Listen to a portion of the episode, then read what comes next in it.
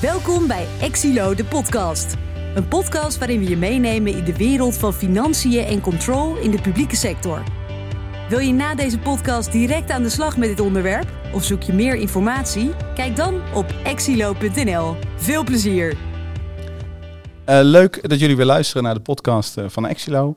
Uh, dit is deel 1 van een nieuwe serie. Uh, deze serie gaan we het hebben over interne controle in de breedste zin van het woord.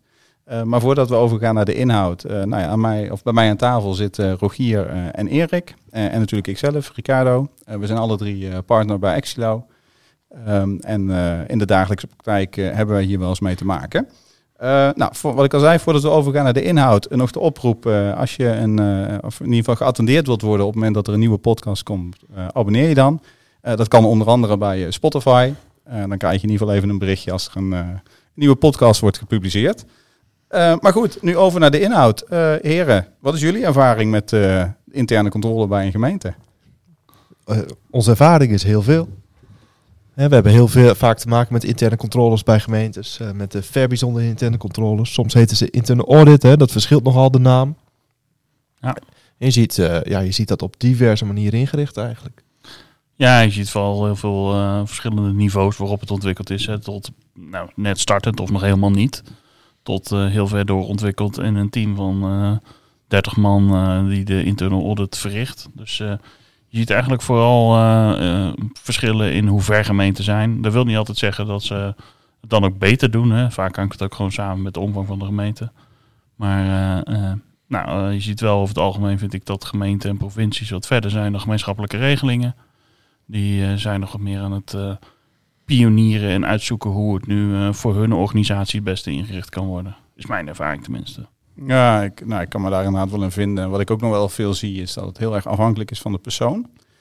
dus je, ik zie soms grotere gemeenten waar er ja, veel zit. Hè, dus de kwantiteit echt wel op orde is. Maar soms op de kwaliteit nog wel echt stapjes te zetten zijn. Aan de andere kant ook wel wat kleinere gemeenten waar je misschien één of twee uh, functionarissen hebt zitten die nou, een hele mooie ervaring bijvoorbeeld hebben in de accountancy of ergens anders. En die dat dan ook meenemen. Uh, dus uh, ja, het een sluit ook het andere niet uit. Uh. Nee, het hangt ook een beetje af natuurlijk van wat je als gemeente wilt. Wat je ambitieniveau is. de een wil een volledige interne auditfunctie die op allerlei aspecten toetst. En de ander wil het gewoon wat beperkter inrichten wat nodig is. En ja, dat dan heel goed doen vooral. Dus nou ja, ik denk dat het ook een beetje zoeken is naar wat bij jou past als organisatie. Ja, zeker. zeker. En hè, van welke uh, controlfilosofie ga je uit? Hè? Ga je van het three model uit of niet? Ja, hangt ook af van uh, nou ja, hoe je een derde lijn, je FIC, je interne audit inricht.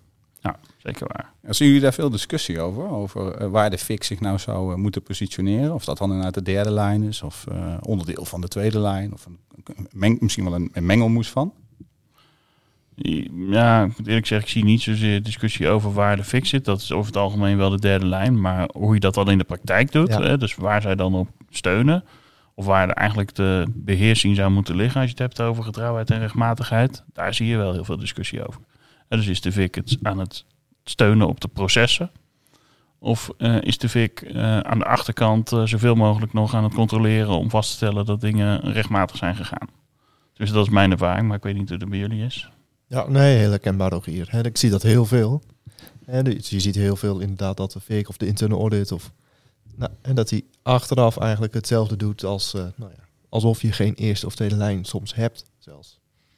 Ja, ja en ik, eh, wat ik ook nog wel zie is veel discussie over um, hoe onafhankelijk moeten ze nu zijn. Uh, moeten ze echt uh, vanuit een compliance perspectief werken. Dus ja. even, nou, even oneerbiedig gezegd vinken. Uh, of mogen ze ook eh, wat meer naar zo'n tweede lijnsfunctie bewegen? Of uh, zich de ene keer een beetje in een tweede lijn, de andere keer in een derde lijn. ja, maar daar zie ik ook heel veel verschil in wat je net zei, van afhankelijk van de persoon. Er zijn ook een FIC-afdeling of teams die zich heel onafhankelijk opstellen. En zich dus ook zien als, ja, we mogen vooral niet ons bemoeien met hoe een proces zou moeten werken of daarover adviseren. En je zit FIC-teams die juist heel erg die rol aannemen en alleen maar aan tafel zitten met de eerste en de tweede lijn om nou, vooral te adviseren hoe ze dingen kunnen borgen aan die kant. Ja. ja. Zo ja, ergens zit daar ook een toegevoegde waarde eigenlijk. Hè? Zeker. Juist die processen zien, uh, onafhankelijke blik.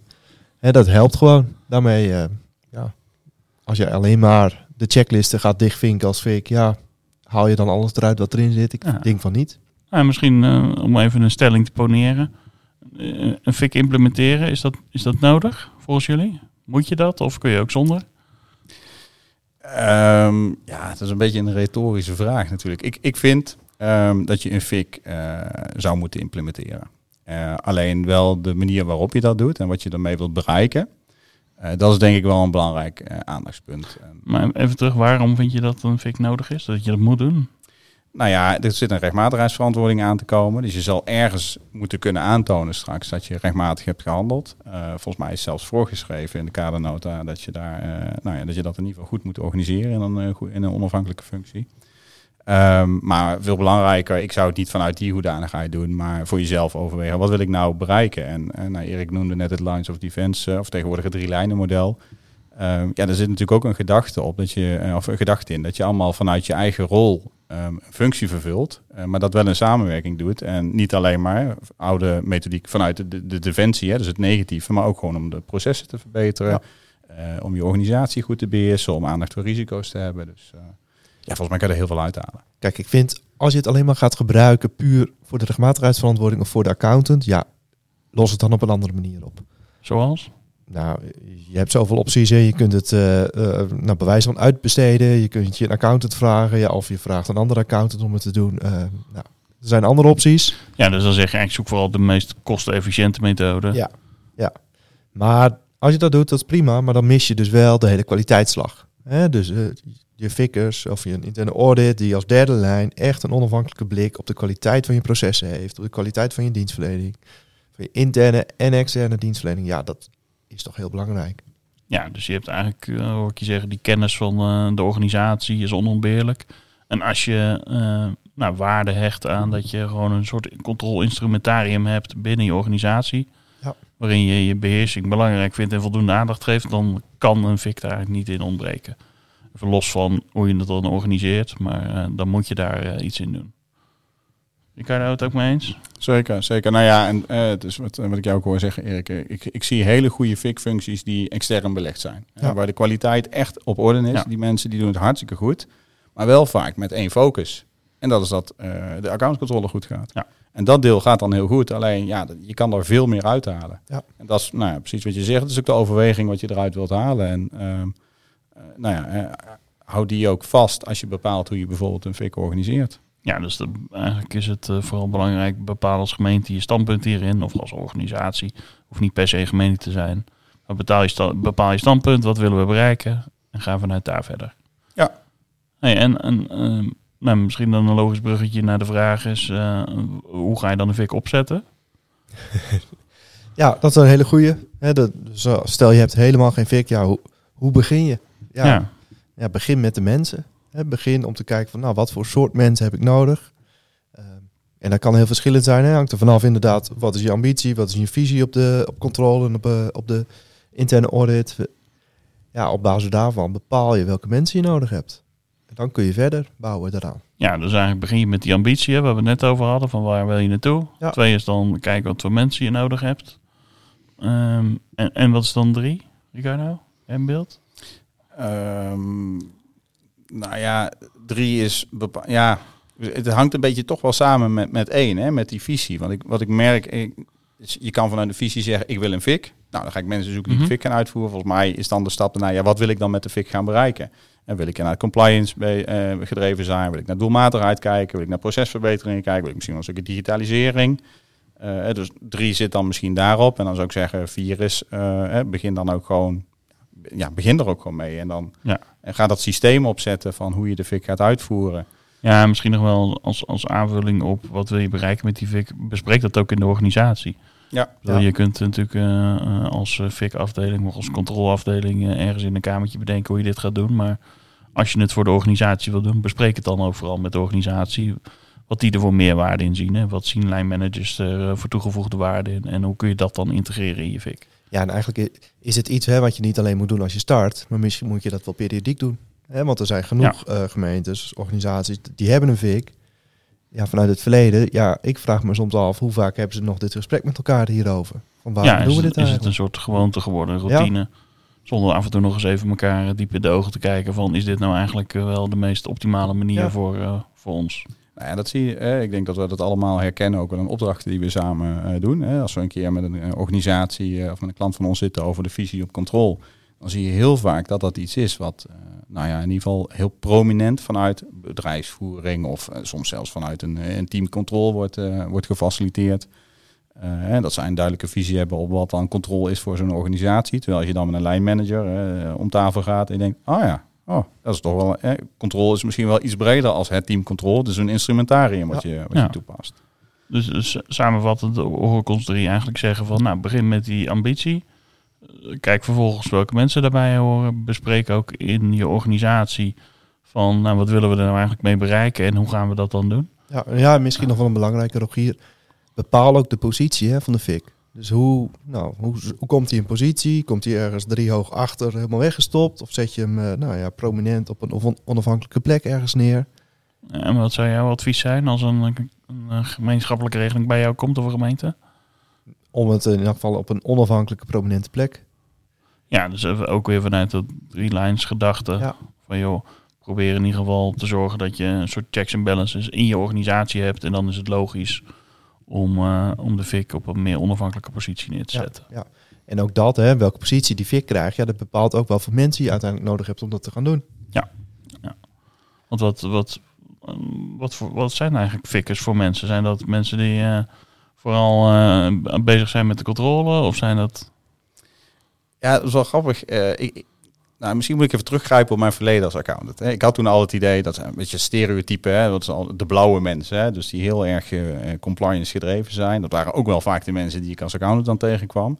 Ik moet ook wel zien, of zeggen, als ik nu een beetje rondkijk eh, wie wij tegenkomen, ja, is dat van alles door elkaar. En dat is een beetje wat jij net in het begin zei, Rogier, hè, van eh, de ene fikker is de andere fikker niet. En dat zie je ook een beetje in het type mens. Hè? Ook van de vragen die ze stellen of de bijdragen die, eh, die ze aan klanten willen, of aan klanten, eh, aan eh, ja, klanten van hun, hè? dus de lijnmanagers van spreken willen, willen geven. Dus het wisselt echt enorm. Ja, maar ik zie wel in het algemeen een soort ontwikkeling dat het steeds belangrijker wordt voor een fikker om Ja. eh, uit te kunnen leggen wat ze doen en waarom ze het doen en een het gesprek met de lijnmanager te kunnen voeren. Maar ik weet niet of het een populaire functie is. Ik weet niet hoe jullie dat zien, maar soms denk ik wel eens, nou, is dit nou, eh, nou ja, de meest populaire functie in een ge- gemeente? Nou, ik denk het niet. Hè, dus dat is ook nog wel, er zit nog wel een stukje promotie wat eh, moet is, gebeuren. is dat dan vanuit onbekend maakt onbemind of zit er wat anders achter? Nou, aan de andere kant, ik denk dat het met name is vanuit, ehm, het was vaak een moedje. Ja, Hè, voor de accountant een beetje, nou ja, hè, ga de, hè, stop hier maar de fik en ga dat maar regelen voor de accountant. Dan krijgen we minder last met de accountant. Ja, dat is nu al aan het veranderen hè, met die rechtmatigheidsverantwoording. ze krijgen wat prominentere plekken in de interne beheersing van de hele organisatie. Ja, ja, je komt vaker bij het college aan tafel. Je, ja, je wordt echt wel belangrijker, hè, want op basis van je werkzaamheden wordt straks die rechtmatigheidsverantwoording getekend. Maar inderdaad, het is wat je zegt, hè, hoe vaak hoor je niet eh, een team controle roepen. Nou, we hebben vooral heel veel gesprekken over de toegevoegde waarde van controle. Ja. En, eh, en eh, waarom wij van toegevoegde waarde zijn en dat we belangrijk zijn. En dat is natuurlijk, ja, nou ja, dat, dat is wel jammer. En ik denk, soms maakt onbekend onbemind. En soms is het ook een beetje hoe je je gedraagt. Hè? Dus hoe je ook zo'n gesprek voert. Eh, Ja, en ook wel een beetje denken hoe de FIC in jouw organisatie is. Hè. Als je kiest voor de wat meer lean en mean variant, ja, dan is dat ook moeilijker, Ja. denk ik, om die meerwaarde echt, echt uit te nutten. Nou, volgens mij ma- mag ik wel concluderen dat wij het met elkaar erover eens zijn dat, eh, dat de FIC eh, van toegevoegde waarde kan zijn. Het zou ook wel bijzonder zijn als we natuurlijk een serie over eh, controle willen, eh, eh, willen, willen gaan opnemen. Daar heb je een punt. Hey, volgende keer gaan we het hebben over de rijkwijde. Eh, of eh, nou, soms ook wel de scoping genoemd. Hè. Dat is eigenlijk van, nou, als je nou zo'n FIC gaat, op, gaat uitvoeren, welke processen ga je dan bijvoorbeeld bekijken? En hoe beoordeel je dat? Of hoe stel je die vast? Ehm, nou, misschien een oproep aan, eh, aan onze luisteraars. Eh, mocht je daar nou een vraag over hebben, eh, of denken van, goh, ik zou het wel interessant vinden dat, dat daar wat meer over wordt verteld. Eh, nou, reageer op, op de podcast. Hè. Dat kan op Spotify wellicht, of het kan op de LinkedIn-post, of mail wat ons betreft naar podcast.exilo.nl. Maar stel de vragen zeker, dan gaan we die behandelen in de volgende podcast. Ehm, ja, en eh, nou, ik zei het aan het begin, dus ik ga er natuurlijk ook weer mee eindigen. Eh, eh, mocht je nou een, een berichtje willen krijgen op het moment dat er een nieuwe podcast gepubliceerd wordt, dan abonneer je ook. Ehm, en ja, verder denk ik dat ik namens ons allen spreek. als ik jullie wil bedanken voor het luisteren. En wij kijken uit naar de volgende podcast. Dus dank jullie wel.